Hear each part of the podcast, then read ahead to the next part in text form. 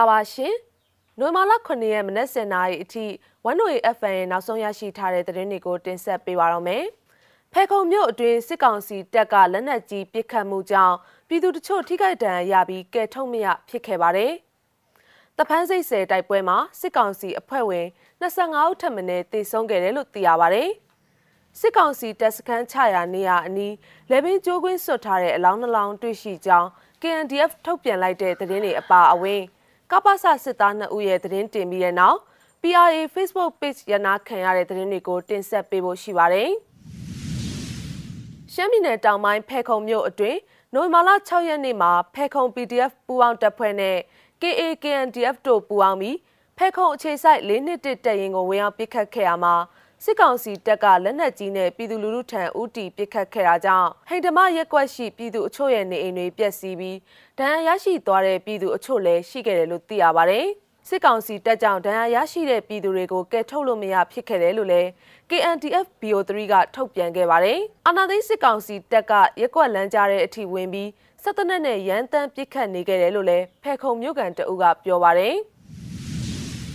တပန်းစိတ်ဆယ်တိုက်ပွဲမှာစစ်ကောင်စီအဖွဲ့ဝင်25ဦးထပ်မံတေဆုံးခဲ့တယ်လို့ဘာမာ Associated Press သတင်းမီဒီယာမှာရေးသားဖော်ပြပါတယ်။စကိုင်းတိုင်းဒေသကြီးကျွန်းလှမြို့နယ်ကတပန်းစိတ်ဆယ်အနောက်ဘက်နဲ့မြောက်ဘက်ရှိကျေးရွာတွေမှာ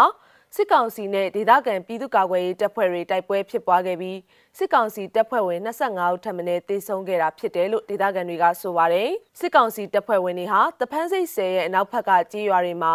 နေမြေရှင်းလင်းရေးလုပ်လျက်ရှိရာမှာ နိုဝင်ဘာလ6ရက်မနက်9:00နာရီမှာအင်းလှကျေးရွာအေဂျင့်တာရွာမြောက်ဖက်ရှိဖာလောနဲ့လိတ်စင်းတောင်ကျေးရွာအနီးတစ်ဝိုက်မှာဒေသခံကာကွယ်ရေးတပ်နဲ့တိုက်ပွဲနှစ်ကြိမ်ခန့်ဖြစ်ပွားခဲ့တာပါ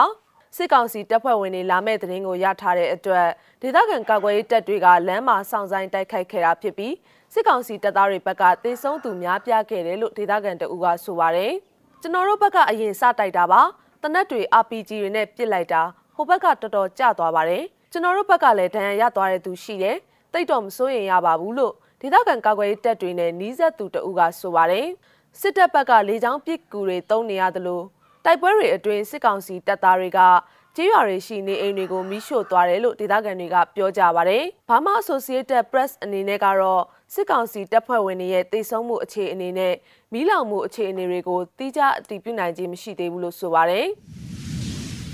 ကယားပြည်နယ်ဒီမော့ဆိုမြို့နယ်အတွင်းစစ်ကောင်စီတပ်စခန်းချရာနေရာအနီးမှာမြေမြုပ်ထားတဲ့အလောင်းနှလောင်းကိုနိုဝင်ဘာလ6ရက်မှာတူးဖော်တွေ့ရှိခဲ့ပြီးအလောင်းတွေဟာညှဉ်းပန်းနှိပ်စက်ခံခဲ့ရတယ်လို့ယူဆကြောင်း KNDF B09 ကသတင်းထုတ်ပြန်ပါတယ်။နယ်မြေရှင်းလင်းမှုပြုလုပ်နေချိန်စစ်ကောင်စီတပ်တွေစခန်းချရာအနီးကိုရောက်ရှိခဲ့ရမှာ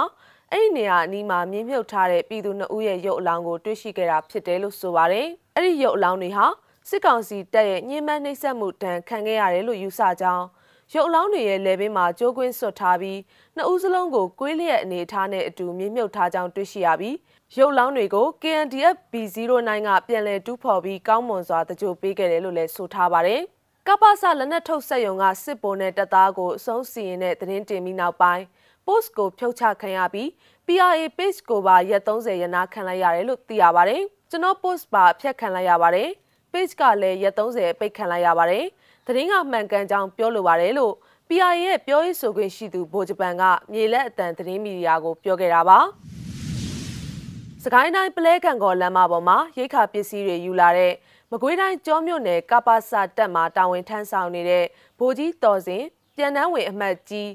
68435နဲ့တက်သားစိုးရစာအောင် ကိုပိုင်အမှတ်တ48ခွန်419တို့ကိုဖမ်းဆီးခဲ့ကြောင်းပြည်သူ့တော်လှန်ရေးတပ်မတော် PRA ကထုတ်ပြန်ခဲ့တာပါ။သူတို့ရဲ့ရိတ်ခါကနဲ့ပစ္စည်းတွေကို PRA ကမီးရှို့ဖျက်ဆီးလိုက်ပြီးသူတို့နှစ်ဦးဟာပြန်လည်ခုခံပြီးထွက်ပြေးတဲ့အတွက်အဆုံးစီရင်လိုက်ရတယ်လို့လည်းပြည်သူ့တော်လှန်ရေးတပ်မတော် PRA တာဝန်ရှိသူကပြောပါတယ်။အဲ့ဒီသတင်းကို PRA ကနိုဝင်ဘာလ6ရက်ည9:00နာရီလောက်မှာတင်ခဲ့တာဖြစ်ပြီးနိုင်ပိုင်းအတွင်းမှာပဲအခုလိုအပိတ်ခံလိုက်ရတာဖြစ်တယ်လို့သိရပါတယ်။ဒါကတော့ကျွန်တော်စစ်ကောင်စီရဲ့လက်ပါစီ နှစ်ယောက်ကိုကျွန်တော်တို့ကလောလောဆယ်အရှင်ဖမ်းမိထားတာဖြစ်ပါတယ်။ဒီဘက်ကအင်ဂျီဖြူနဲ့တယောက်ကတော့သုံးပွင့်နဲ့ဘိုလ်လို့ဒါကျွန်တော်သိရပါတယ်။နောက်ထပ်အင်ကြီးညီနဲ့တယောက်ကတော့ရိုးရိုးတက်သားဆိုတော့ကျွန်တော်သိရပါတယ်ကဲအင်ကြီးဖြူနဲ့အကိုအကိုရဲ့နာမည်နဲ့ယာတူကိုပြောပြပေးပါကိုရဲ့အမတ်စင်နံပါတ်ကောပေါ့ကြည်ကြလေးပြောပါကျွန်တော်ပြန်တော့ဝင်မှကြီး68435ဝီတော်စင်ဖြစ်ပါတယ်တာနတအပတ်စင်16ကဖြစ်ပါတယ်ကလက်ရှိတာဝန်ဆန်းဆောင်နေလက်ရှိတောင်းဝန်ထမ်းဆောင်နေတဲ့ဘူကြီးစင်ပါခင်ဗျာ နောက်တစ်ယောက်ပြောကျွန်တော်ကိုယ်ပိုင်နံပါတ်တာဝန်မှု48ခု41ခုတသားဆိုးရတော့ဖြစ်ပါတယ်ခုလက်ရှိတာဝန်ထမ်းဆောင်နေရတော့ကောက်တာ23 1way FM ရဲ့မနက်ခင်းနောက်ဆုံးရသတင်းတွေကိုတင်ဆက်ပေးကြတာပါ။နားဆင်မိခဲ့ကြတဲ့ပြည်သူတွေအားလုံးစိတ်ချမ်းသာခြင်းကိုယ်ကျန်းမာခြင်းနဲ့ပြည့်စုံနိုင်ကြပါစေရှင်။